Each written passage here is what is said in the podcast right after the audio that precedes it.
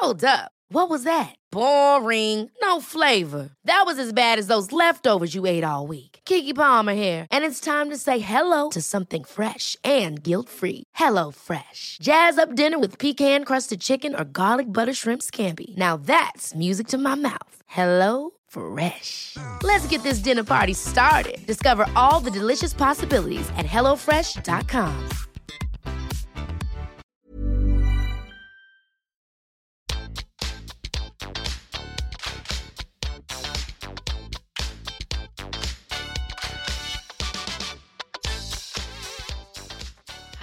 sammen, og velkommen tilbake til podkasten Karriereveiledning med Elaine.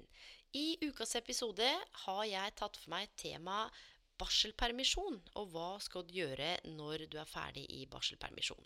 Jeg har fått masse masse henvendelser fra masse fantastiske mammaer med veldig mange forskjellige spørsmål. Og jeg klarer jo selvfølgelig ikke å svare på alt, men jeg håper at denne episoden her, hvor du skal få bli bedre kjent med en uperfekt supermamma som heter Linn, at den kan gi deg noe form for inspirasjon. Linn er altså fembarnsmamma. Hun er 37 år. Ja, du hørte riktig. Fembarnsmamma. Hun har fem gutter. De er født i 2009, 2013, 2014, 2016 og 2018. Så vi kan vel trygt si at hverdagen til Linn er hektisk. Eh, samtidig så er det hun som styrer hjemmet. Hun er ikke hjemmeværende, men hjemmearbeidende. Og nå er minstemann også i barnehagen, og det er på tide for Linn å komme ut i arbeid. Har hun CV?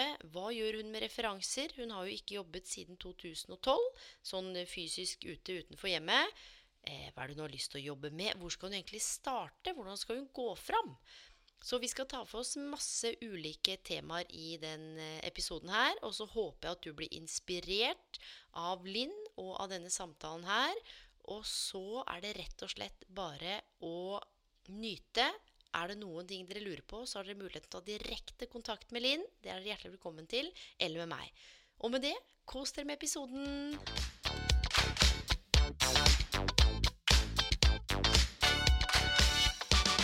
Hei, Linn. Er du på linja? Hallo! Hallo, Linn. Du, tusen takk for at du ville være gjest i dagens episode. Takk for at du ville ha meg som gjest. Selvfølgelig. Du, jeg regner jo med at eh, du har jo et hus fullt av barn, så jeg er mest nysgjerrig på hvor er det du befinner deg i huset ditt akkurat nå? Du, Akkurat nå sitter jeg 30 cm fra do. Jeg sitter på badet, jeg har gjemt meg her. Med julebrusen min og deg. Ja, så du har gjemt deg på badet, for vi trenger jo litt, litt, litt ro. Må jo være litt stille. altså Om, om det skjer noen ting, så vet jo folk da at det er et hus fullt av unger. Eh, Så plutselig så kommer det jo noen inn. Men du sitter altså og gjør podkasten, eller er gjest fra do. Fra do, rett og slett. Mhm. Det er, eh, det er det nye. Det har jeg aldri vært med på før. Så da håper jeg du får litt fred og ro, i hvert fall. Vi satser på det. Ja, og hvis det ikke som sagt skjer det noe, så skjer det noe. Da tar vi det som det kommer. Dette er en litt sånn uredigert podkast, så eh, vi, det blir spennende å se. Herlig. Ok, Linn. Nå er det jo sånn at du er fembarnsmamma. Og du Mhm. er jo ikke så gammel heller, akkurat. Jeg er 36 Ja, år. så, så, ja, oi, ja. Så du har jo, du har, ja, 37 er du faktisk. Faktisk, ja. Så du har jo gjort eh, litt av en eh, jobb. Det har jo vært god produksjon på ganske kort tid. Det har det, altså. Jeg har, eh, de fire siste er kommet på fire og et halvt år, og det er ingen tvillinger. Slå den, liksom. Det er helt sjukt. Og det betyr også at du har vært eh, Jeg liker egentlig ikke ordet hjemmeværende, men du har også vært hjemmearbeidende siden 2012. Yes, det har jeg faktisk. Ja. Sommeren 2012. Ja, for det som er interessant, det har kommet inn masse spørsmål til deg, så vi skal ta de litt seinere. Men vi må jo starte litt sånn på starten. da. Husker du når du var liten, altså husker du hva du hadde lyst til å bli? Jeg hadde to ting, og det er litt sånn flaut å si høyt. Jeg ville bli budeie, eller så hadde jeg lyst til å bli flyvertinne. Av alle ting, for jeg syns de var så fine. Flyvertinne, altså.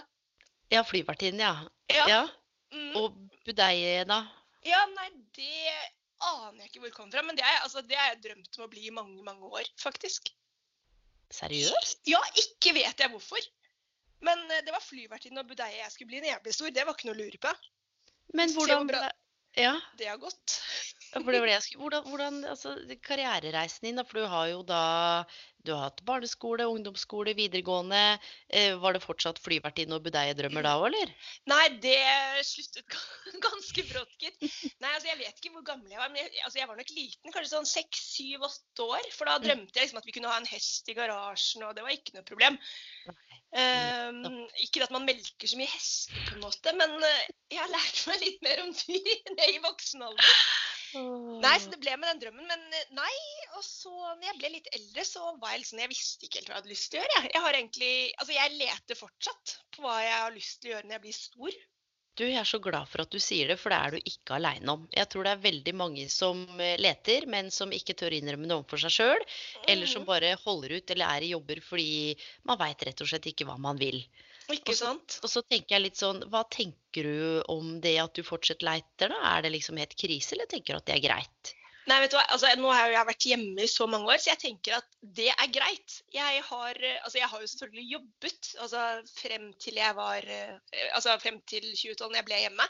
Ja. Men, men jeg er litt sånn, nå tenker jeg at det er greit, for jeg føler at jeg er blitt såpass voksen at nå er det liksom greit å ta seg en pust i bakken og liksom tenke over hva man virkelig har lyst til å gjøre. da. Ja, og, og så handler det jo litt om å begynne å prioritere deg igjen. Ja, Det, merker tenker jeg er jo litt av det nøkkelen. Ja. Ja, og da altså, er det jo litt i forhold til Jeg tenker jo både med reisevei, og det er jo en del ting man må se på kanskje når man har en eh, hel skokk med barn. Det Absolutt. nytter ikke med masse, masse reisedøgn og være langt unna. Du har en mann som jobber fullt også. Så det er jo Mm. noe logistikk her som skal tas hensyn til. Men hva er det du gjorde før du gikk ut i 2012, da, i permisjon? Jeg har, altså si, jeg er oppvokst i hotellbransjen. Jeg har jobbet mange år og jobbet i ulike stillinger i hotellbransjen. Ja. Eh, Den siste stillingen jeg hadde nå var altså Jeg er så glad i sånne flotte stillingstitler. Da var jeg administrasjonssjef i et Oh. gründerselskap. Det var kjempegøy. Jeg jobbet med masse forskjellige oppgaver. og Det var på en måte litt med å få et nytt selskap opp på bena. Jobbe med litt, altså med å få på plass alt, da. Det syns jeg er kjempegøy, for jeg er jo en sånn type Altså, jeg elsker å styre og ordne, og lister Altså, jeg er sånn derre dronningen over lister. Det syns jeg er kjempegøy. Sjekkliste på absolutt alt, ikke sant. Liker er du å planlegge òg? Jeg Altså- elsker å planlegge. Ja. Ja. Mm. Jeg er sånn spontant uh, planlegging. Ja. Men da var det jo vanvittig bra, som du sier, at det var en startup, for da må du jo holde i masse forskjellige tråder. Altså det er jo ganske mange egenskaper og ting du må kunne gjøre samtidig. Mm. Så du var i den startupen, og- men det var det siste du gjorde før du gikk ut i permisjon? Det var det siste jeg gjorde, ja. Hvor Mm. lenge var du der, da? Der var jeg to og et halvt, tre år. Jeg er litt usikker på hvor lenge det ble Og, før jeg jeg hvis, gikk ut i permisjon.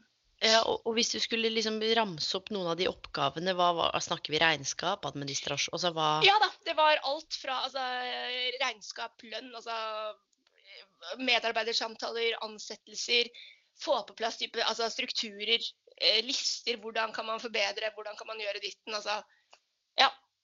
Det, altså, det var egentlig alt. Jeg var som en sånn liten potet som ble brukt til alt mulig, og det syns jeg var kjempegøy. Fordi da fikk jeg Altså, ingen arbeidsdag var den samme. Den var ikke forutsigbar. Det var masse som skjedde hele tiden, og det syns jeg er kjempemoro.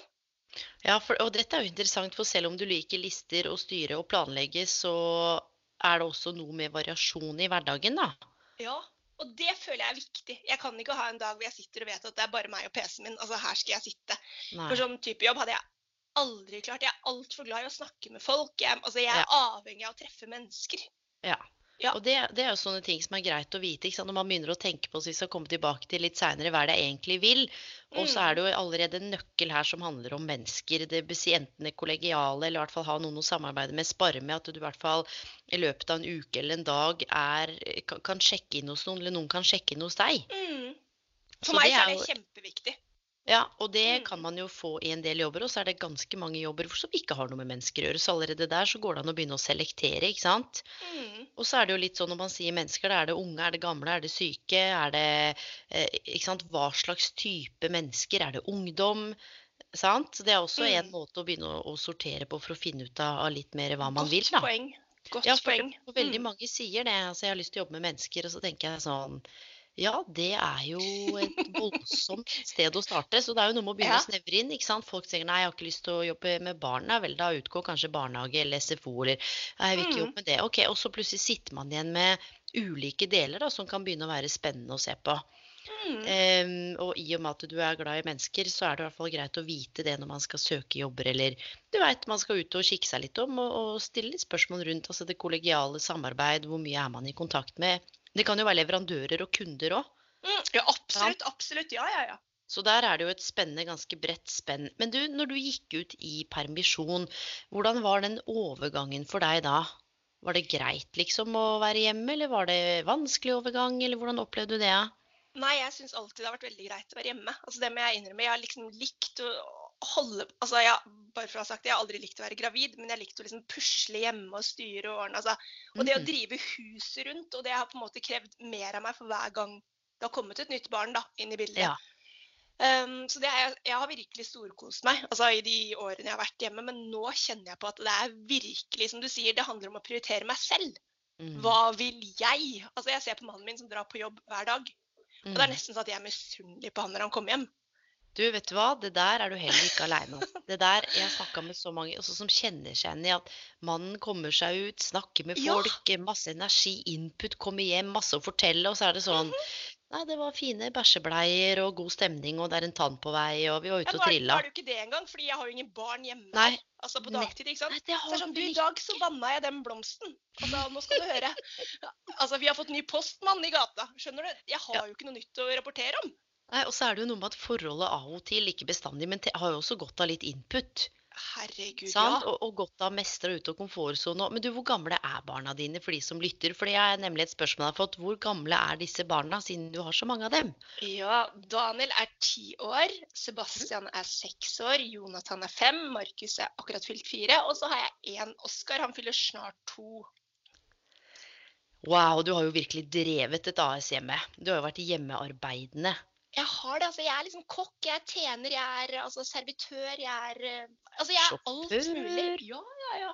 Planlegger, tenker jeg, handler. Hva, Mm. hva vil du si um, Det er kanskje ikke så lett å svare på på stående fot, men hvis jeg hadde vært en arbeidsgiver da, og skulle sagt OK, du har vært hjemme, jeg ser du har vært hjemme i syv år. Mange arbeidsgivere tenker at det er dritlenge.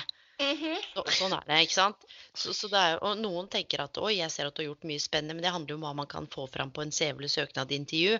Men hva er det du føler at du har lært, eller er, er det noe egenskap eller noe kompetanse du tenker kan være nyttig å ta med seg inn i arbeidslivet? Ja, altså jeg har jo, med litt hjelp fra deg, så har jeg begynt å tenke på min CV, for jeg har jo ikke hatt noe sånt på plass på mange år. Så den skal oppdateres. Da har jeg tenkt litt sånn, altså for det første, man blir veldig god på å jobbe under tidspress. Altså, for det er alltid et eller annet type tidspress. Eh, Du blir veldig god på å sjonglere baller i luften. Altså flere baller i luften. Jeg har liksom tenkt at det har jeg vært god på i arbeidslivet før jeg fikk barn. Mm. Altså nå er jeg blitt 100 ganger bedre på det. Fordi det er alltid en eller annen som krever noe av deg. Det er alltid et eller annet. Og ikke minst på planlegge. Altså sånn Mm. detaljstyring føler jeg at uh, det kommer Altså, jeg tuller ikke, det høres jo helt rart ut at man lærer det ved å være hjemme. Men det mener jeg at er en eh, egenskap jeg har blitt langt bedre på nå. Ved å liksom drifte dette huset og denne familien rundt, da. Ja, men det er så viktig, fordi tenk deg da eventuelt å skulle komme i et intervju da når du kommer dit, Mm. eh, og så sier man nei, jeg har bare gått hjemme, jeg har liksom ikke gjort så mye, jeg har ikke lært, jeg har liksom bare Skjønner du, det er noe med å eie og virkelig tenke over hva, hva er det jeg egentlig har brukt tida mi på, hva, hva, hva er det jeg har lært, hva er det jeg har gjort? Og tenk deg alt det du har gjort, legebesøk, det er jo tannlegebesøk, det er samtaler i barnehagen, det er koordinere med Det er ganske mye. Ja, ja, ja. Og når de blir så store at de begynner på aktiviteter, og sånn som nå, altså nå er jo, De største guttene er jo med folk hjem. ikke sant? Så det er planlegging og det er henting. og så er Det ja, det er masse å tenke på. Men jeg må jo innrømme at frem til vi liksom har snakket om dette her, så har jo jeg aldri tenkt på at jeg har gjort noe produktivt de årene som altså er relevant for arbeidslivet. Men det er jo det det er. Kjempeoverrasket over det, jeg også. Ja, for det er noe med den overføringsverdien og det å kunne kjenne også at man er betydningsfull og attraktiv i arbeidsmarkedet. Mm. Ikke sant? Og det er jo det, og med den kompetanse, altså bakgrunnen du har, og jeg tipper de resultatene, for du jobba jo i, i hotellbransjen, som du sa. Mm. Eh, du har jo ganske gode resultater å vise til. Absolutt. Absolutt. Og du har jo gode referanser, og det er litt sånn nysgjerrig på, for at du har jo referanser som er fra veldig, veldig langt tilbake. Mm. Sant? Og hva hvis en arbeidsgiver da spør ja, her har du noe fra 2004 og noe fra 2012. Mm. Hva, hva, hva tenker du da liksom med de siste sju åra, hvis noen skal kunne si noe om hvem du er? Altså, da, først så tenker jeg at å herlighet, jeg er blitt så gammel. altså, ja, nei, men så tenker Jeg hva, jeg, jeg satt og så på noen av de gamle referansene jeg fikk, altså fra den aller første jobben min. Ja. Og Der var det sånn, der står det at Linn er pålitelig, og hun er liksom flink altså, og godt likt blant kollegaer.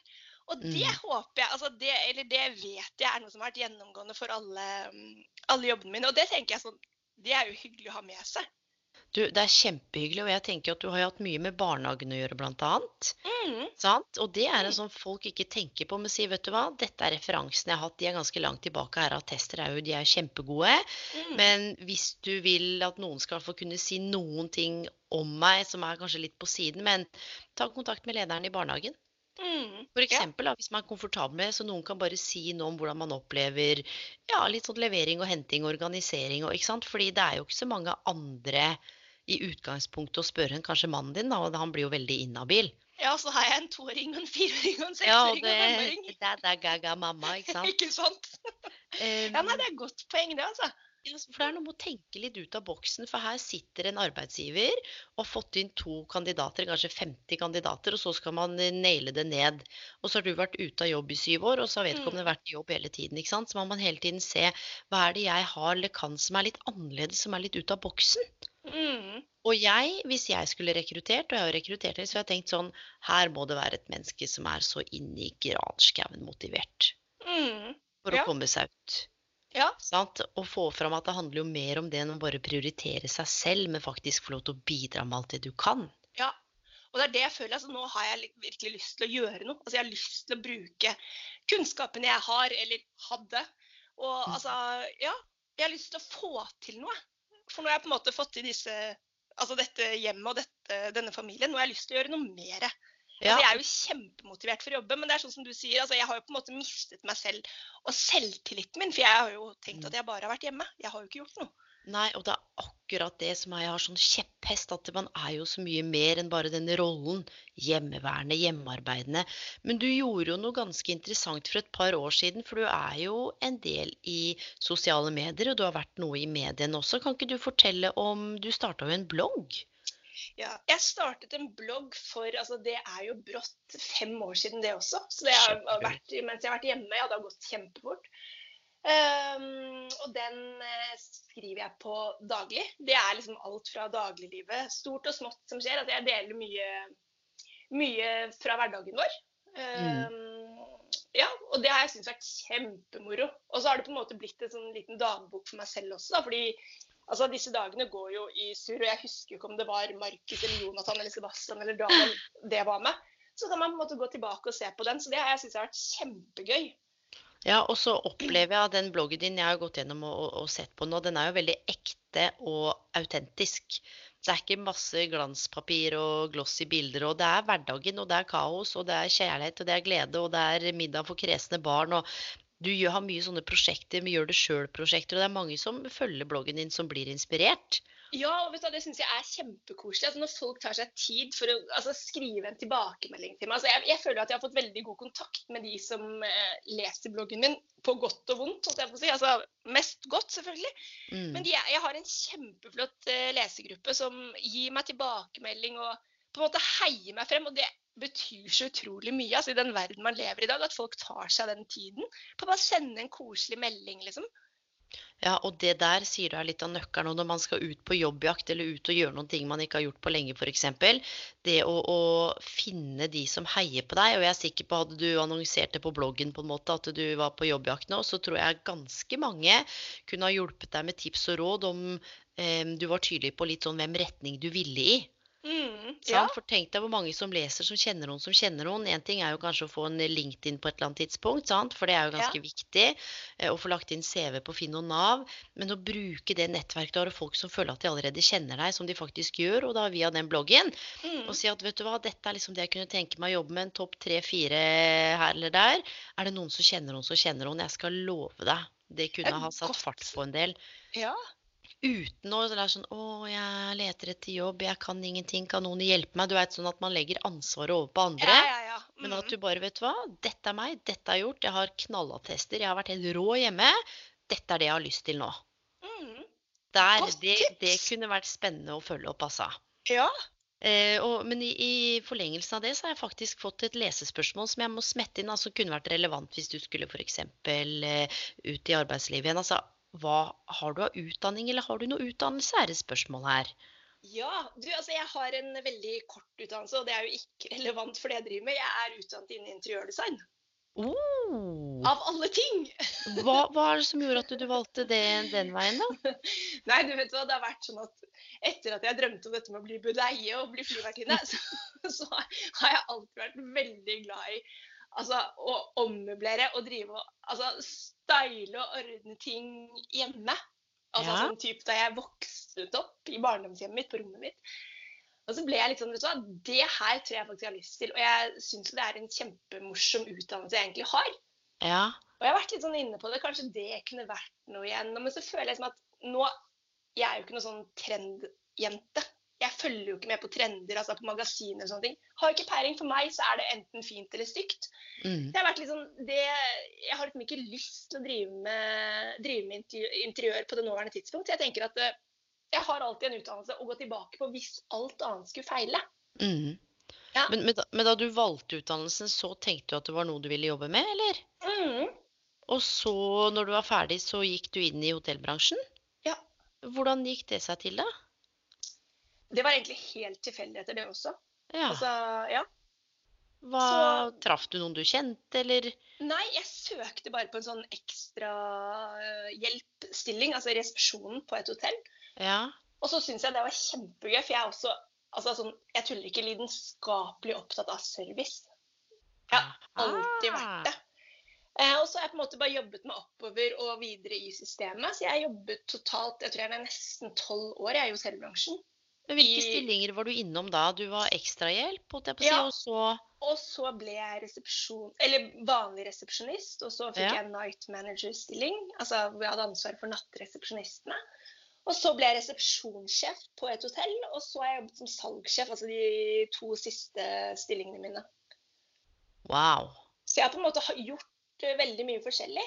Men nå føler jeg som at jeg er ferdig med det også. Altså, det passer Mm. på en måte ikke den livsstilen med, med hjem og barn og mann. Altså, Og arbeidstider. og arbeidstiden. Jeg For det godt- er jo Ja. Ja, det er liksom det. Altså, for det, det blir så mye kveld, og det blir mye helg. altså Mye sent. Og så er det jo det at man er jo tilgjengelig for kunder hele tiden. ikke sant? Så det Nei, det føler jeg som at jeg er litt ferdig med. Jeg kunne kanskje gått tilbake til en annen type stilling på altså sånn type hotellsjef. altså jeg syns hotell er veldig veldig spennende, og jeg eh, altså, liker som sagt det med service. Jeg har vært veldig opptatt av hele livet. Ja, og hvordan er det med salg da, for de går jo ofte hånd i hånd. Hvordan skulle, hvis du liksom smaker litt på den, og skulle gått ut og jobbet med altså, salg mer enn service, hvordan kjennes det? Ja? Ja, Det kjennes ikke aktuelt ut. Nei. Fordi jeg føler at jeg er ferdig med det jaget. Altså, det Mm. høres jo veldig merkelig ut, men jeg, jeg tror at jeg ville blitt så sliten av det. da. Og så Mhm. komme hjem til fem eh, barn her hjemme og en mann og en kanin. Altså, det, jeg tror jeg ville blitt helt utmattet av Og budsjettetikker og du er ikke i mål, og så er du plutselig i mål, og så blir du kjempehøy, og så går det dårlig, og så blir det Ikke sant? Ja. Ja, nettopp. For det er jo noe med å vite litt, ikke sant. Dette her er jo det som er så viktig når du skal ut, tenker jeg, da, og, og se på jobb nå. Det er det økologien i det. Altså hvordan vil det påvirke de nærmeste rundt meg, altså de valgene jeg tar nå. mm, mm, Ja. Og det er jo, ikke sant, skal du være resepsjonistsjef eller ni- night manageren, så blir det jo kanskje litt lite søvn. ja, ikke sant? Og det er liksom sånn det samme som jeg har tenkt, for jeg har- jo tenkt litt på det med mennesker. altså Mennesker er et vidt begrep. Men f.eks. det å jobbe i barnehage. Jeg elsker jo barn. Altså sånn uten tvil. Men jeg kunne f.eks. ikke jobbet i en barnehage. Fordi da har jeg en barnehage som jobb, og så har jeg en barnehage når jeg kommer hjem fra jobb. Mm. Så det tror jeg heller ikke jeg hadde orket, selv om det hadde jo vært kjempefint å jobbe i en barnehage sammen med masse søte små barn. Altså Ja, å være en del av hverdagen for de. Men det Ja. tror jeg rett og slett ikke hodet mitt takler. da. Jeg tror jeg må ha en Nei, altså jeg bruker jo å si at jeg trenger en jobb hvor jeg Eller jeg ønsker en jobb hvor jeg har kun ansvaret for meg selv, men det må være sånn at jeg har noe sosialt inn i bildet i løpet av dagen. Mm. Men sånn ikke noe, ikke noe sånne kjempestore budsjettansvar eller altså sånne type ting. Jeg kunne gjerne sittet sånn type på et kundeservice. Altså med innkommende, innkommende caser. Det kunne jeg gjerne gjort, for jeg elsker jo å løse og fikse og Eller prøve å finne løsninger. Så det kunne jeg tenkt meg, ikke sant? Og der har du jo, ikke sant, og når du sier dette med kundeservice nå, eller callsenter eller kundesenter, så Mhm. har du jo all erfaringen til å, å backe det opp med. Ja. Faktisk. Det var jo Mhm. ganske interessant. Og det, og det ville du kjent deg altså, fornøyd med? Det er litt sånn teit lukka spørsmål, men Ja, ja, ja. relevant allikevel. Definitivt. noen ville jo tenkt sånn herregud, jeg ser alt det du har gjort tidligere, jeg tror du kommer til å kjede deg, denne jobben tar du bare fordi Altså, skjønner du? Mm. Så det er noe Nei, men med jeg, jeg ja. tror jeg ville vært veldig veldig fornøyd med en sånn type jobb. Jeg tror du hadde vært helt rå. Mm. på en sånn type jobb. Når folk ringer inn, og du vet, folk sliter med alt mulig. Men OK, sett at det hadde kanskje vært, vært, vært en vei å gå, da. Ja. Da er jo neste spørsmål altså innenfor hva? Snakker vi alt mulig? Alt fra dressing til eh, blomsterfinn, liksom? Eller hva? Nei, altså det er litt, også litt sånn godt spørsmål, for der er jeg litt usikker. I det ene øyeblikket så tenker jeg sånn Ja, ja, det spiller ingen rolle hva det er for noe. Altså Det kunne liksom vært sånn eh, vei og maskin og bygg og anlegg, liksom. Eller så tenker jeg sånn Nei, kanskje det skulle vært parfymer. Altså sånn Jeg veit da søren. Nei, for én ting er jo hva du har kompetanse på, ikke sant. Kan du hjelpe folk med å fikse getten sin, f.eks.? Og bare øh, jeg, tror du skal trykke på det. Altså, skjønner du? Ja. Det er jo noe med, med hva du kjenner sjøl du er komfortabel med, eller så driver du og- villeder folk ut i Det kunne fort blitt krise. Ja. Det, Nei. er, se på litt hva er det du er interessert i, da. Du var inne på noe parfyme. Altså, hva, hva er det du er ja, nei, interessert det var i, bare et liksom? eksempel. Altså. Ja. Nei, men sånn, for eksempel, Hvis jeg skulle beskrevet drømmejobben sånn akkurat per nå, sånn helt på ekte, ja, ja. så kunne det vært som type Altså eh, gjerne i, i en frivillig organisasjon. Eh, som type barnekreftforening, som jeg da har engasjert meg stort i. Men å drive med altså, type fundraising, hvor man kontakter altså, firmaer, privatpersoner, potensielle givere, eh, for å få til et samarbeid. Det hadde Ah. virkelig vært drømmesituasjonen min, for da føler jeg at jeg får brukt kunnskapen jeg kan altså i forhold til dette med Barnekreftforeningen, altså min egen erfaring med Markus. Og jeg Ja, si litt, si litt om det, fordi én ting er å ha hjerte for det fordi man ønsker å, å hjelpe, og det er helt fantastisk, men dette ligger jo litt nærere hjertet ditt. Det gjør det. Altså Markus, eh, han fireåringen vår, er eh, født med en veldig sjelden krefttype. Og etter det så ble det til at Barnekreftforeningen de backet oss enormt opp. Altså det første, eller de gjør jo det fortsatt. Men spesielt den første tiden så var vi i veldig god dialog med Barnekreftforeningen her i altså vår lokale barnekreftforening. Og etter det så ble det til at jeg jeg fikk virkelig en sånn altså vet du, Dette er noe jeg virkelig brenner for. altså sånn hele mitt hjerte. Mm. Ehm, så det er, det er jo veldig spesielt for meg, men det er noe jeg kunne tenke meg, fordi det er noe som virkelig gir meg noe. Ehm, samtidig som jeg føler at jeg er med på å utrette noe veldig positivt for disse Ja. barna og familiene da, som det er snakk om, i og med at jeg selv har vært i den situasjonen. Og sikkert blitt kjent med andre òg. Hvis du var på sykehuset og var der en stund, så har du jo truffet andre, tenker jeg, som du enten har kontakt med, eller som på en måte har sett rekkevidden eller nytten da, av at eh, pengene og ga Altså det faktisk Altså det, det er reelt. Dette her kommer fram, og det betyr så mye.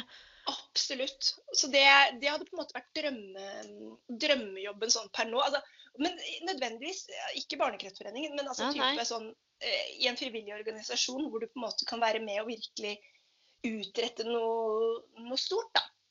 Men, da, men da ville du, ikke sant, Vi snakka bare litt tilbake til det med salg i stad. Det er bare sånn for at jeg får samla trådene. Da, i og med at det, var, at det er for en, en sak som er større enn deg sjøl, og som er viktig og nyttig, så hadde det ikke Mhm. gjort deg noe å plukke opp telefonen og på en måte ta kontakt. og Du er et litt sånn type fundraising.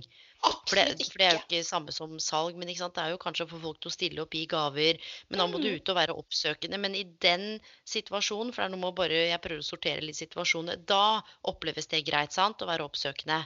Ja. Kontra da- å sitte på et callsenter og liksom Ja, du, skal du ha fire av den trusa? ja. Altså, OK, for der, der, der er det jo to forskjellige ting, så da er jo det helt i orden.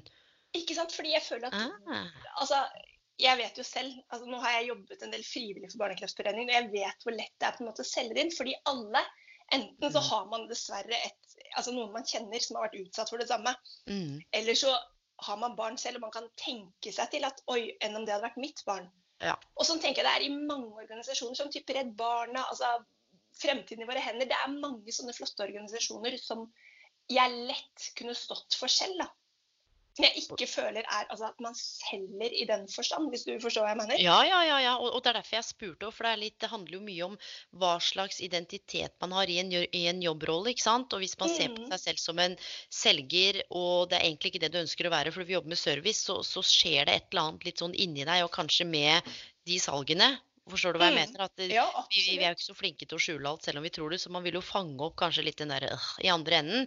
Mm. Mens når du snakker nå, jeg hører jo på kroppsspråket ditt og jeg kan jo se for meg at du er ganske ivrig, fordi dette er jo noe Ja, ja men du sier du brenner for det, du har brukt det ordet Mm. flere ganger, og dette her, Mm. dette her er en helt annen rolle og en helt annen identitet. Mm, absolutt, absolutt.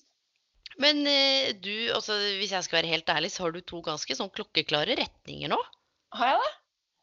For jeg føler bare jeg er bare i hodet mitt. Ja, og, og det kan jeg godt skjønne og ha veldig respekt for, men det er klart for meg som sitter og ser livet sånn utenifra og prøver å samle trådene, så, så ser jeg både mye av det du har gjort som du kan bruke, og det du har gjort hjemme som du kan bruke, og litt av hvert fall noen av retningene som kan være interessant å utforske. Vi klarer jo ikke løse alle verdens utfordringer eh, i den podkasten her, men, men det er dette med når du først begynner å få på plass disse brikkene av puslespillet, det er jo da du kan begynne å spisse CV-en. Det er da Ja. du kan begynne å ta kontakt. ikke sant? Hvem topp fem eller ti bedrifter er det vi har jobbet i? Hva er motivasjonen min? Hva kan jeg bidra med? Hvordan skal jeg skreddersy en søknad? Om det er til et callsenter, for da må du ha en litt annen type CV enn om det er f.eks. til Kreftforeningen eller Barnekreftforeningen. Mm. Så, så det er å klare å skille litt hvor er det jeg, hva er det neste riktige og viktige skrittet? Og blir, blir jo det kanskje å finne en to, tre, fire retninger, da. Ja. Sant? Og så begynne, og da må man begynne å bruke Google, begynne å snakke med folk. Og du har jo sikkert noen kontakter i, i Barnekreftforeningen, eller alltids noen som kjenner noen som kjenner noen. Mm, ja, ja, det har jeg. Så jeg tenker jo at det her er jo ganske spennende, Linn. Så du mener at det er håp selv for en eh, gammel fembarnsmamma som har vært hjemme i mange år? Du, vet du hva? Jeg skal si deg én ting. Jeg har jo jobba med, med flere tusen mennesker fra mellom 18 til 64 år. Og jeg kan med hånda på hjertet si at det er håp. Og ikke bare et hengende snøre, det er vanvittig håp. For det første så er du veldig reflektert, du har selvinnsikt, du er flink til å snakke for deg, du er flink til å samle trådene, og så er du motivert. Ja. Det eneste jeg tenker er viktig her, det er jo å sette seg inn i arbeidsgivers perspektiv. Hjemme i Mhm. syv år, ikke sant? skal man begynne å jobbe med CV-en din, så må man tenke hva er det Ja. du har gjort i syv årene? Jo, du har hatt en sønn med kreft. Der har du jo vært på sykehus, og der har vært mye som har skjedd. Du har vært hjemme i permisjon, du har fått flere barn. Du har engasjert deg frivillig. Du har starta en blogg. Du har sikkert gjort masse annet jeg ikke veit. Mm, I tillegg til å vanne blomster, og du vet alt det der dagligdagse. ja. Men, men det er noe med å virkelig Det er ikke, jeg det vil ikke si at det er et hull på CV-en. Du har jo vært hjemmearbeidende, pluss at du har en blogg som er ganske godt lest. Så det er noe med å få fram virkelig hva du har brukt den tiden på. Og det blir jo på en måte det neste skrittet når man begynner å få litt sånn fotfeste i forhold til hvor er det jeg skal begynne hen. Mm? For jeg tror noe av det som gjør at folk blir desperate, for denne episoden her handler også litt om at nå har jeg vært i permisjon og vært hjemme, hva, hva F skal jeg gjøre nå? mm, Og så er det mange som bare kaster seg på hva som helst, for man tror, og litt sånn som du sa, om dette manglende selvtillit, at eh, jeg kommer jo ikke til å få noen ting, se på meg, jeg har bare vært hjemme, jeg får bare ta den jobben da. mm. Så kommer ikke engasjement eller motivasjon eller driver eller noen ting fram på intervju, så begynner man å få avslag på avslag. Til slutt orker man ikke sende flere søknader, og så tenker man jeg har ikke vært noen ting, det er ingen som vil ha meg. Nei, ikke sant? Det er en sånn kaotisk spiral, for da begynner det å tære på selvfølelsen. Hva slags verdi du har. Man begynner å tvile på egen kompetanse, som kan godt være at du har gjort òg, som du sa. Du har vært hjemme lenge, hva er det jeg egentlig kan? Ja, ja, Eh, absolutt. Og du kan tenke deg da hvis avslagene begynner å renne inn i tillegg. Mm, Og så tenker man fy fader, altså arbeidsverden der ute, den er cruel. Men du kan jo tenke deg hvis du satt og rekrutterte, og jeg kom, og det var egentlig ikke en jobb jeg ville ha, men jeg må bare ha en jobb, for jeg trenger penger. Mm. Og så skal jeg liksom forklare deg om engasjementet mitt og drivet mitt. Det blir mer sånn Det merkes. Det merkes, og det Ja, det her er nøkkelen at det er, ikke, det er ikke en menneskerett å finne ut av drømmejobben sin med det første. Sant? Men det er muligheter til å prøve og feile, og i hvert fall sånn som du har sagt, da, i forhold til mennesker og service, og prioritere deg sjøl, men også gjøre noe eller være noe for andre. Mm. Det er jo fire viktige knagger. Du er flink til å planlegge, styre, organisere. Du har masse erfaring. Så noen vil kunne si at ja, den er litt utdatert, ikke sant. Men da må du inn og bevises. Det handler om å få en sjanse. Ja. Det er nok at du treffer ett menneske som tenker Fy faen, bra, bra dame. ja. Men da handler det om det samspillet i det intervjuet, da, og det å kjenne litt på hva du kunne tenke deg å på en måte gjøre. Men, men hva inn, innenfor callsenter og Du driver jo blogg. Og litt Mm. dette med sosiale medier. Er det noe at du, vil du si at du, du er god på sosiale medier? Altså, jeg, jeg duger. Ja. Eh, Men det er også noe jeg liksom kunne tenkt meg. Altså, fordi jeg, salg og markedsføring går jo på en måte i ett, eller veldig mye i ett. Og jeg tenker sånn at er det én ting hvor det på en måte skjer noe hele tiden, utviklingen er enorm, altså, så er det liksom altså markedsføring i sosiale medier. Der tror jeg også altså, veldig mange bedrifter da, altså, kunne hentet mye gratis ut fra. Så jeg har jo lyst, for jeg bor jo på en måte, altså jeg kjører, Når jeg kjører hjem, så kjører jeg gjennom et stort industrifelt. Så jeg begynte å tenke sånn Oi, alle de bedriftene der, ja, dere burde komme dere på sosiale medier. Tenk så mye dere går glipp av. Ja, og det er utrolig mange bedrifter som gjør mye bra, og så er det utrolig mange som bare er helt blanke. Ja. Sant? Og da handler det igjen om å kunne vært sosiale medier-ansvarlig, da, men igjen kanskje type produkter. ikke sant? Hva er det du skulle vært ansvarlig for? Mm, ja, ja, ja. Det må, ja altså, det må jo være en type nettbutikk altså, av et eller annet slag. Ja. Eh, så jeg vurderte da bare gå opp til de bedriftene jeg ser altså, som f.eks. er i sosiale, sosiale medier, men ikke har lagt ut noe siden 2017. Mm. Og så bare, du, jeg ser du har en uh, profil her, sånn, hva med å liksom bruke den mer? Og så at jeg rett og slett bare lager et uh, behov, eller viser Ja, at men der har dere et behov. Linn, nå kjenner jeg at hjertet mitt, karriereveiledningshjertet mitt slår veldig fort. Nå står jeg her fordi veldig mange tenker at å, jeg må søke den jobben på Finn. Oi, oi, Ja. oi. Herregud, tenk deg hvis man kan gå ut og lage sin egen jobb, da. Ja, altså jeg har begynt å drømme om det, fordi her jeg bor, så er det altså en kjempestor Jeg har sett på Finn altså siden 2014, siden første permisjonen min egentlig var over. Så har jeg på en måte bare altså, lagt inn et sånt søk, så har jeg oppdatert det litt sånn jevnlig. Ja. Men utelukkende, altså en stor andel her, er bygg og anlegg, eller så er det innenfor helsesektoren.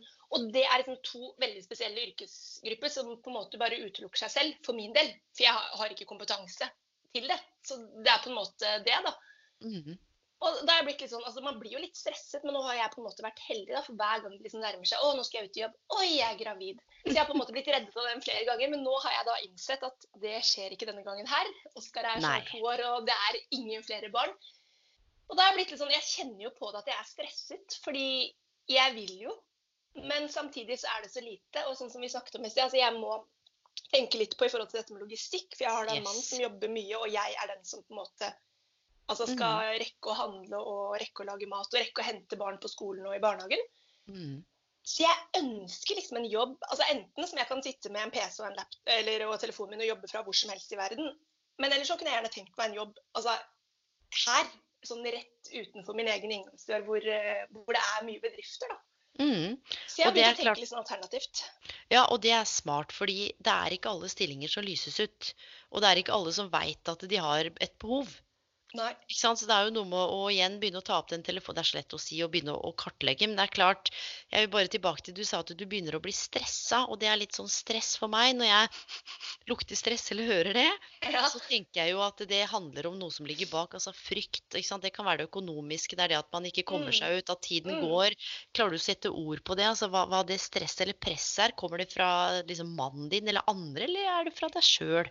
Nei, det, altså, det er nok utelukkende fra meg selv. Eh, det er jeg som skaper dette i hodet mitt. Men samtidig så er det jo altså, et økonomisk spørsmål. Ja, ja. Vi er jo altså, en stor familie. Eh, vi begynner, altså, jeg tenker jo liksom langt frem. Jeg er allerede på neste år omtrent. Ikke sant? I planleggingen av hva de trenger av klær etc. Ja. Um, så skolepenger og SFO. altså Det stopper på en måte aldri. Og vi vet jo at det blir jo heller mer etter hvert som barna vokser til å begynne på aktiviteter osv. Så, Mm. videre.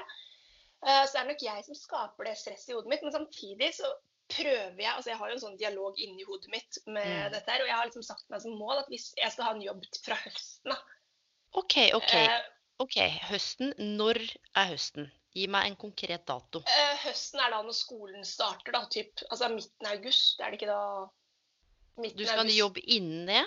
Ja, da vil jeg gjerne ha en jobb. Altså gjerne sånn at jeg får en jobb før sommeren og vet at OK, etter Altså i midten av august så ses vi igjen, og da er vi klare. Mm, Dette det er her er målet mitt. Spennende, fordi ofte så er det sånn jeg ønsker meg en jobb innen julet. Da må vi konkretisere det, for hjernen trenger en deadline. Så du skal være i jobb si 15. august. Da veit du at da må du i hvert fall sette i gang en god stykke før, for det kommer jo en sommerferie. Ja, ja, ja. Ikke Sant? sant? Men Så dette er det da- du som har lært meg før. Jo, jo, men, men det er jo fint, at du husker det, da. Ja, det husker jeg. Men, men sant, for at da må man jo begynne å tenke. Nå er vi i februar, kommer mars, april, mai, juni. Det er fire måneder. Mm. Og noen av disse prosessene fort, altså. kan jo, ikke sant, førstegangsintervju, så går det tre uker, fire, fem, seks Ja, ja, uker, ja. andreingsintervju. Så det er klart at er det, der også, så det er jo noen uker som er borte. det er akkurat det. Så OK, men innen 15. august så er du i jobb, og det betyr at da må man tenke når er det jeg bør begynne å søke? Det er jo Mm. ikke så altfor lenge til. Eller når Nei, jeg skal begynne å snekre jobben min? Det er jo typ nå, altså i disse dager. Det er derfor jeg kjenner jo litt på det stresset, men samtidig Ja. sier jeg at jeg har jo god tid. Altså, Mm. Og, og tid er jo relativt. Det handler om hvordan du ser på det. Det er det ene. Og nummer to, litt stress og litt press, det kan jo være sunt. Altså det kan Ja. jo få deg i bevegelse til å Mm. faktisk gjøre noe, skape noe. mm. Eh, og samtidig så tenker jeg jo, så er det jo fint at du er såpass reflektert at du kjenner at det kommer fra deg, men samtidig så hviler jo litt av det økonomiske også på dine, altså deres felles skuldre. Mm. Og da er det jo et sånt spørsmål som jeg pleier å stille. Altså hvis ingen av drømmene på en måte går i oppfyllelse, så er det dette med å ta en jobb for å ta en jobb, fordi da det økonomiske blir såpass betydningsfullt. Er det riktig å si? Eller er det sånn nei, jeg vil ikke det i det hele tatt. Jeg skal kun jobbe med det jeg har lyst til. Som du sa med å prioritere deg sjøl. For det er en viktig ting å tenke på. Ja, altså der har jeg vært litt sånn todelt. For i det ene øyeblikket tenker jeg sånn Nei, jeg tar hva som helst. Jeg gjør det så lenge noen Ja. vil ha meg. Ja. Eh, I det andre øyeblikket det litt mer sånn OK, nei, det vil jeg ikke gjøre. For altså, jeg har jo ikke så dårlig tid. Så jeg ønsker jo Altså, jeg vil ha en jobb som jeg ønsker selv. Jeg vil ikke ha en jobb hvor jeg vet at å herregud, må jeg gå på den jobben igjen? Altså, skjønner du? Ja, for tenk deg ringvirkene. Og dette her er litt sånn Ja. opptatt av, det er derfor jeg spør. Og jeg skjønner hvis det er sånn OK, vi har ikke mer penger. Hvis ikke vi får penger inn nå, så har vi ikke mat og Mm. klær. Da blir man jo nødt for å gjøre det som skal til. Mm. Eh, og det er helt OK om noen velger det. Det handler ikke om det, men det handler også om når man begynner å søke på hva som helst. Da har man ikke fått kartlagt du vet, egenskapene, verdiene, interessene, følelsene. Har man ikke fått sortert ordentlig. Nei, Og da blir det jo dritvanskelig å spisse en CV og en søknad i det hele tatt skjønne hvorfor du blir kalt inn på et intervju, eller skjønne hvorfor du sitter på et intervju når du egentlig hva skal du si? Ja, det eneste jeg er opptatt av, er penger. Eh, Ja. Sånn at eh, dere gjerne ansett meg. Jeg kommer til å bli drittlei og sur, for det blir jeg hjemme også. For jeg kommer til å mistrives, og da mistrives jeg på jobben. ja. Så blir jeg sykemeldt. Men bare ansett meg, altså. Det går fint. Jeg er kjempegod. Jeg er verdt det. Ja, og- ja men, og det er noe med akkurat den refleksjonen at when push comes to shove, ja. Men om man har anledning i en sånn mellomperiode som du har nå, så er det 100% mulig. Nå skal jeg si det her på podkasten. Ja. Linn Omre Ja. skal samarbeide. Jeg skal garantere deg at du er i jobb innen 15. august med noe du har lyst til å gjøre. Jeg gleder meg. Skal vi ta en Yes. mental handshake? Yes! Du må gjøre jobben, vel å merke. Jeg Halleluja! Jeg skal hjelpe deg med alt jeg kan og har og makter og har lært. Og så skal du hjelpe deg sjøl, og så skal It's vi sammen, og så skal alle lytterne få lov til å følge deg på den prosessen her, så du kommer til å måtte komme tilbake og være gjest. Ja, men dette her er jo live. Vi Ja, dette skal dokumenteres. Jeg visste ikke helt hva du skulle skrive, nei, hva du skulle si nå. Jeg sitter og skriver, hva jeg skulle si, jeg sitter og tar noen notater bare for å prøve å, samle trådene, for jeg må jo lytte. Og derfor må jeg ha noe å notere ved siden av. Eh, men du er i jobb du innen 15. august. Herlig. Jeg tror du på det når jeg sier det? Jeg tror på det. Ja, for det er jo litt av nøkkelen. Og ikke bare tro på meg, men at tro på dette samarbeidet her faktisk Nå skal vi flytte fjell. Det skal vi. Dette Fy skal bli faen. så bra. Jeg gleder meg helt enormt. Ja, og så er det jo godt, Linn. ikke sant? Jeg tenker sånn, jeg er ikke løsning på alt. Jeg veit jo ikke hvordan jeg skal hjelpe alle. Men, men jeg tror det er noe med å ha noen å spare med, og at noen Ja. støtter deg. Og at eh, vi får på plass de viktigste dokumentene, rydder litt i papirene dine. Eh, og, og tenker litt på referanser og masse. At vi får sortert og kartlagt litt skikkelig. Mm. Og så gjør vi dette her til et prosjekt, sånn at innen 15. august så er du i jobb. Jeg gleder meg. kriteriet skal være at du er fornøyd med lønna, og det er litt sånn viktig at jeg sier. fordi har man vært ute i syv år, så er det ikke alltid at man kan forvente at man skal komme tilbake der man slapp. Det må Nei, jeg bare si. Det, det, dette er ikke sånn carved in stone, men ofte så må man inn en periode og kanskje bevise noe, eller takke ja til ikke drittlønn, men tariff, eller i hvert fall noe som er eh, OK, da. For oss Mm. så er det jo lønnsforhandlinger. Der var det en femåring som kom inn og trykka på knappen. Ja ja, men det er lov. Velkommen skal du være. Det er noen som fant meg. Å nei. Nå må du gå og legge deg, Jonathan. Jo, så kommer mamma snart. Ja. Nei, jeg er eh, kjempeklar for det, og jeg eh, Altså, ja, ja, jeg er veldig motivert, og jeg tror dette blir veldig, veldig bra. Men jeg hører at du er motivert. Ja, jeg er det. Altså, jeg, ja. så er jeg omtrent og hopper. Ja, jeg òg. Og, jeg- og det er den energien og den troa da, som vi skal skape sammen. ikke sant? Halleluja. Det er nesten sånn bevegelse. Ja, det her. Jeg, jeg føler det altså. Men, men du er også innmari lett å, å, å, å snakke med. og du, du har jo tenkt, men samtidig så er det noe med å ha noen å spare med. Og jeg har jo ikke svarene, jeg. Du har jo sagt callsenter selv. Du har jo sagt disse frivillige organisasjonene. Du har sagt dette med sosiale medier som vi kom inn på. Du har jo samla de meste av trådene. Ja. Men jeg skal spørre deg om en ting, fordi det er kommet inn et lesespørsmål som jeg må flette inn. Og dette er et spørsmål jeg hadde òg. Eh, hvis du ser tilbake når du var sånn mellom 18 og 20, hva Mm. hadde beste karrieretips vært til deg sjøl? Altså, det hadde vært å tenke på noe du, noe du virkelig har lyst på. Altså, sånn, for jeg selv har jeg alltid vært så fascinert av f.eks. min pappa, som har jobbet i samme selskap altså, i alle år, helt til han gikk av med førtidspensjon. Eh, så det han, ja, ikke sant? Eh, Og sånn har jeg vært litt sånn hvordan, hvordan har du visst at jeg var riktig, da? Hvordan, hvordan endte du opp der? Nei, det er fordi det var noe jeg likte. Altså, han, han brant virkelig for jobben sin. Og Mm. det er det jeg føler også er nøkkelen til alt. Du må finne noe du virkelig brenner for, og selvfølgelig noe du ser utviklingspotensialet ditt i. Hvor du har muligheter til å, altså, til å kunne bli da, i, en, eh, i en årrekke. I, en, I et helt arbeidsliv. Og det Ja. er noe jeg kunne Ja. For, for det er jo interessant nå, fordi det, er, det ble åpna opp for mye mer midlertidige ansettelser og prosjektstillinger for et par år siden. Mm. Eh, sånn at folk bytter jobber mye oftere. Det er ofte man må omskolere seg, utdanne seg på nytt. Så både moren min som var eh, der hvor hun jobba i 50 år, og pappaen din, det er ikke like vanlig nå. Nei, ikke sant? Sant? Fordi plutselig så er det jo mer vanlig å ha frilansere, eller man har folk på prosjekt, eller du blir deltidsansatt, eller en midlertidig stilling i en periode. Og Mm. så eventuelt kanskje fast ansatt, eller så må du finne noe annet. Og det er jo Mm. litt sånn interessant å tenke på hvis du skal inn i en jobb, så må man tenke stabilitet, forutsigbarhet, og så sier du noe viktig er utviklingspotensialet. Ja, det føler jeg er kjempeviktig. Ja, OK, for det er jo viktig å, å ha i bakhodet. Så det ville på en måte vært mitt, eh, mitt viktigste tips til meg selv. Altså hadde vært å finne en jobb hvor jeg ser utviklingspotensialet om mange år. da, Som jeg kan Ja, Det da, nok men ja. samtidig bare ha i bakhodet at det kan gå 5-10-15 år, sant? og så plutselig så avløses det, av noe annet. Men at det, Men det det er jo en sånn- mannsalder allikevel, tenker Ja. jeg. Altså I arbeidslivet i dag så er jo det absolutt gull verdt. Ja, for, men det er også noe med å se på. Vet du hva, Linn? Nå er det prosjekt karriere Linn 2020.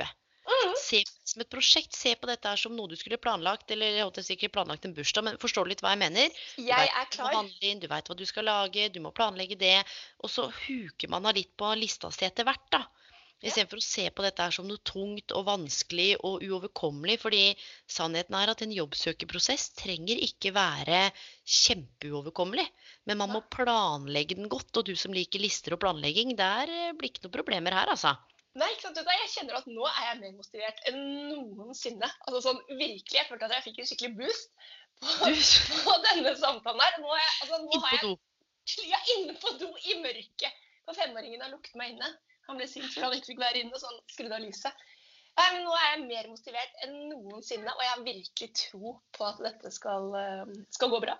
Ja, det har jeg òg. Og derfor så har jeg også et spørsmål til deg, da, som, som jeg hadde egentlig tenkt å stille sammen, som kommer nå. Men nå har vi egentlig svart på det. Altså, hvilke muligheter du ser at du har i jobbmarkedet altså nå kontra kanskje før vi snakka sammen, eller for et halvt år siden? Ja, altså Nå føler jeg at jeg har mange muligheter. Altså Jeg føler at jeg har større muligheter enn det jeg egentlig har tenkt. Ding, jeg tror! Ja, jeg tror jeg har begrenset meg selv veldig. Ja! Og ja. det, det er jeg litt sånn overrasket over, for jeg bruker ikke å være en sånn person. altså hvis du skjønner hva Jeg mener. Jeg ser jo alltid muligheter når det gjelder f.eks. barna. da. Ja, ja. Så jeg er jo ikke den som legger lokk på ting. Men nå, i denne situasjonen, her, så ser jeg det tydelig at jeg har begrenset meg selv. Men det er noe med å åpne det mulighetsrommet, og kanskje åpne noen dører som har vært lukka da, i seg sjøl. Skjønner du? Noen mhm. lukka rom, så må man jo se litt på. ikke sant? En 100 %-stilling, er det greit å starte i? Skal du ha en 80 %-stilling? Mhm. Litt Ja, sånn altså jeg, jeg ser jo for meg sånn i utgangspunktet ser jeg for meg en litt altså typ 70-80% Men det er liksom okay. fordi jeg og mannen min har snakket om det, at det, det er det som er mest lønnsomt for at vi skal kunne drifte altså familien rundt og alt det Yes. andre rundt her. ja. Så det er liksom det jeg drømmer om. Men selvfølgelig altså, er det sånn at jeg ser at den rette jobben for meg kommer i en 100 %-stilling, så skal jeg alltids kunne klare det også. Altså, tror jeg. Da må Ja, man på en måte bare flytte litt rundt på ting. Ja, og så vet man jo ikke før man har prøvd. Men det ville Nei. også vært noe jeg hadde lurt på som arbeidsgiver. Hvordan skal du få dette her til å gå opp 100% jobb, 100% hjemme? Har dere tenkt over det? Mm. Typisk spørsmål er hva, hvem må ta ansvar hvis noen blir syke? Ja. Ikke sant? Alle disse tingene her, men det skal vi jo komme til etter hvert i den prosessen her. Men det er bare greit å, å gjøre noen sånn overordna refleksjoner, da. Mm. Herregud, Linn. 2020, august Skal du ut i 2020. arbeid 2020, du, da? Yes, det skal jeg, altså. Og du har jo vært i jobb siden 2012, men du har vært i jobb hjemme i huset ditt. Jeg har vært hjemme i huset mitt, i det lille røde huset innerst i gata. Der har det vært Ja, altså, jo, det er et godt poeng, men jeg hadde jo aldri tenkt på det sånn før du hadde Altså, du sa det til meg. Det er jeg også veldig bare for. en er ny, bare en ny dør som ble åpnet. For Ja, jeg hadde jeg- jo bare vært hjemme. Jeg håper de som hører på, skjønner at man er mye mer enn å bare være hjemme. Ja. Altså, du har jo ansvar for andres liv, og ikke bare ett, men du har to, tre, fire små mennesker to, altså, som er totalt avhengig av deg mer eller mindre samtidig. Mm, ja. Ja, det føler jeg er kjempeviktig at alle som hører på der ute For det er sikkert flere som, altså, som har vært i permisjon i ett år, da, som er liksom definitivt det vanligste. Ja. Men at man tenker på det hvis du ikke har en jobb å gå tilbake til. Altså Det å være hjemme, det er søren meg altså, hardt arbeid. Det er det, og jeg er jo hjemme nå i ulønna permisjon, tar master Mhm. og driver firma, og guri land, jeg må bite meg i tunga, så det er eh, 10 000 ganger mer krevende enn det jeg trodde. Ikke sant? Og ekstremt lærerik hvis man velger å stoppe opp og plukke med seg den, eh, de lærdommene man har. Og jeg har en sånn Hvis jeg på en måte skulle eh, snakket karriere eller skulle gått på et intervju eller Av og til så kan jeg kjenne at jeg blir sånn utålmodig eller litt sånn sint. Mm. Skjønner du hva jeg mener? For jeg blir frustrert, eller det går ikke som det skal. Og så tenker jeg det handler jo aldri om sønnen min, det handler om hva jeg møter i meg sjøl. Skjønner du hva jeg mener? Ja. Og, og det er noe med å klare å plukke opp de små tingene, og du med så mange barn, tenker jeg, eh, som jeg hører i bakgrunnen. Ja. Hallo, alle sammen. En som nekter å gå og legge seg. Og så er det pappa som ikke ser at han er borte. Å ja. Det er pappa som har ansvaret. Det er det, for jeg sa at jeg skulle gjemme meg her inne. Å ja. Men du, vet hva? Vi, vi har snakka i snart 50 minutter. Vi skal jo selvfølgelig lage oppfølging på det her. Men helt sånn avslutningsvis så tenker jeg sånn til de som har vært hjemme i permisjon et år, som føler seg lost, som ikke har peiling. Hva, hva, er, hva er det beste altså karrieretips eller beste tipset du kan gi? Fordi tenk deg at de driver og skal stresse med å søke nå, og tida begynner å gå ut. Hva, hva ville du sagt til de hvis det var din beste venninne, liksom? Eller beste tipset du kunne gitt? Ja, for det første ville jeg sagt at ikke stress med det. Altså, jeg vet at det er veldig veldig lett å si, men jeg er i samme situasjon selv. Altså, hvor man, det er lett å bli stresset fordi man altså, Alle trenger jo penger. Man trenger, er avhengig av for Ja. utslipp. Ja. Men så er det det å tenke seg godt om og finne, å finne noe du virkelig har lyst til å gjøre. Ikke ta en jobb for å ta en jobb. Mm. Altså, ja, rett og slett. Og finn noen å spare med, ikke nødvendigvis karriereveileder eller noen profesjonelle, det får jo folk velge. Eh, men, men kanskje lufte tankene med en venninne som du veit heier på deg, ikke noen som er misunnelig på deg eller ikke vil deg vel, skjønner du? Veldig godt poeng. Veldig Og litt sånn poeng. være bevisst foreldrene hva de tenker, ikke sant? Eller mannen, Mhm. eller og folk som kjenner deg godt. For at det kan jo både være dine beste rådgivere og dine verste. Mm.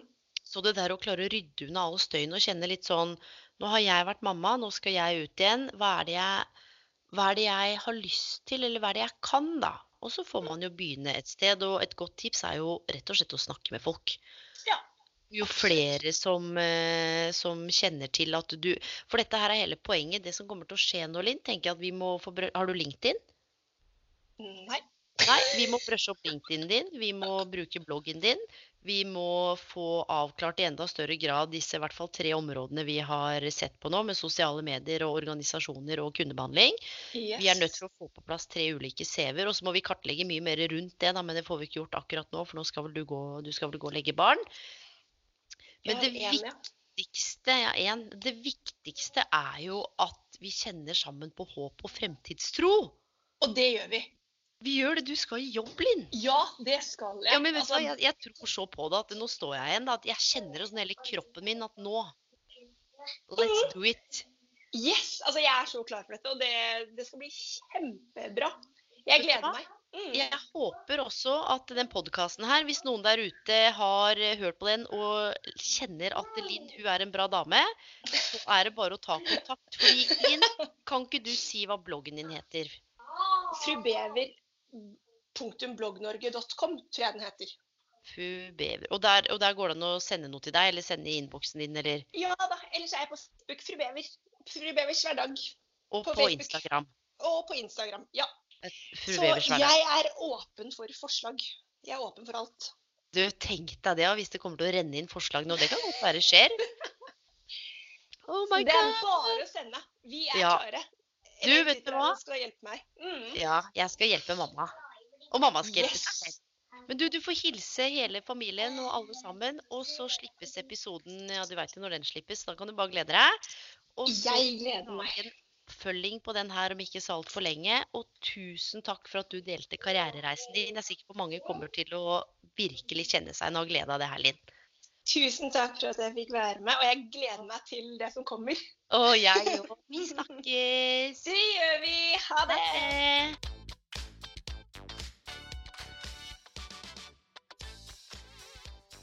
Ja, det var jo litt av en spenstig episode med mye håp og fremtidstro. Vi hadde ikke noe manus, og dette her kjenner det kribler i kroppen.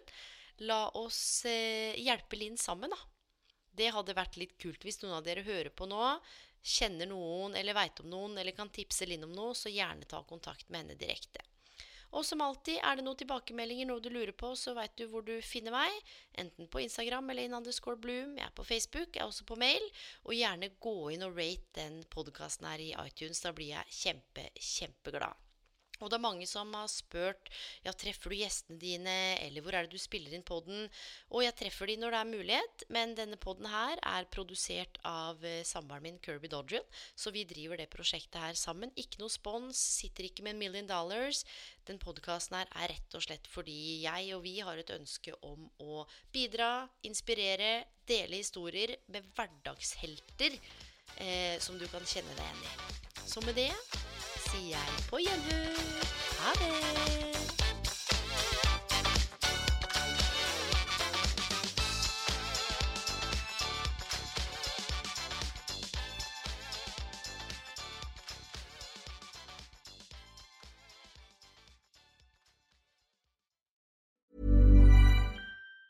Ever catch yourself eating the same flavorless dinner three days in a row? Dreaming of something better? Well, HelloFresh is your guilt free dream come true, baby. It's me, Gigi Palmer. Let's wake up those taste buds with hot, juicy pecan crusted chicken or garlic butter shrimp scampi. Mm. Hello Fresh. Stop dreaming of all the delicious possibilities and dig in at HelloFresh.com. Let's get this dinner party started. Planning for your next trip? Elevate your travel style with Quince. Quince has all the jet setting essentials you'll want for your next getaway, like European linen, premium luggage options, buttery soft Italian leather bags, and so much more. And is all priced at 50 to 80% less than similar brands. Plus, Quince only works with factories that use safe and ethical manufacturing practices. Pack your bags with high-quality essentials you'll be wearing for vacations to come with Quince. Go to quince.com slash pack for free shipping and 365-day returns.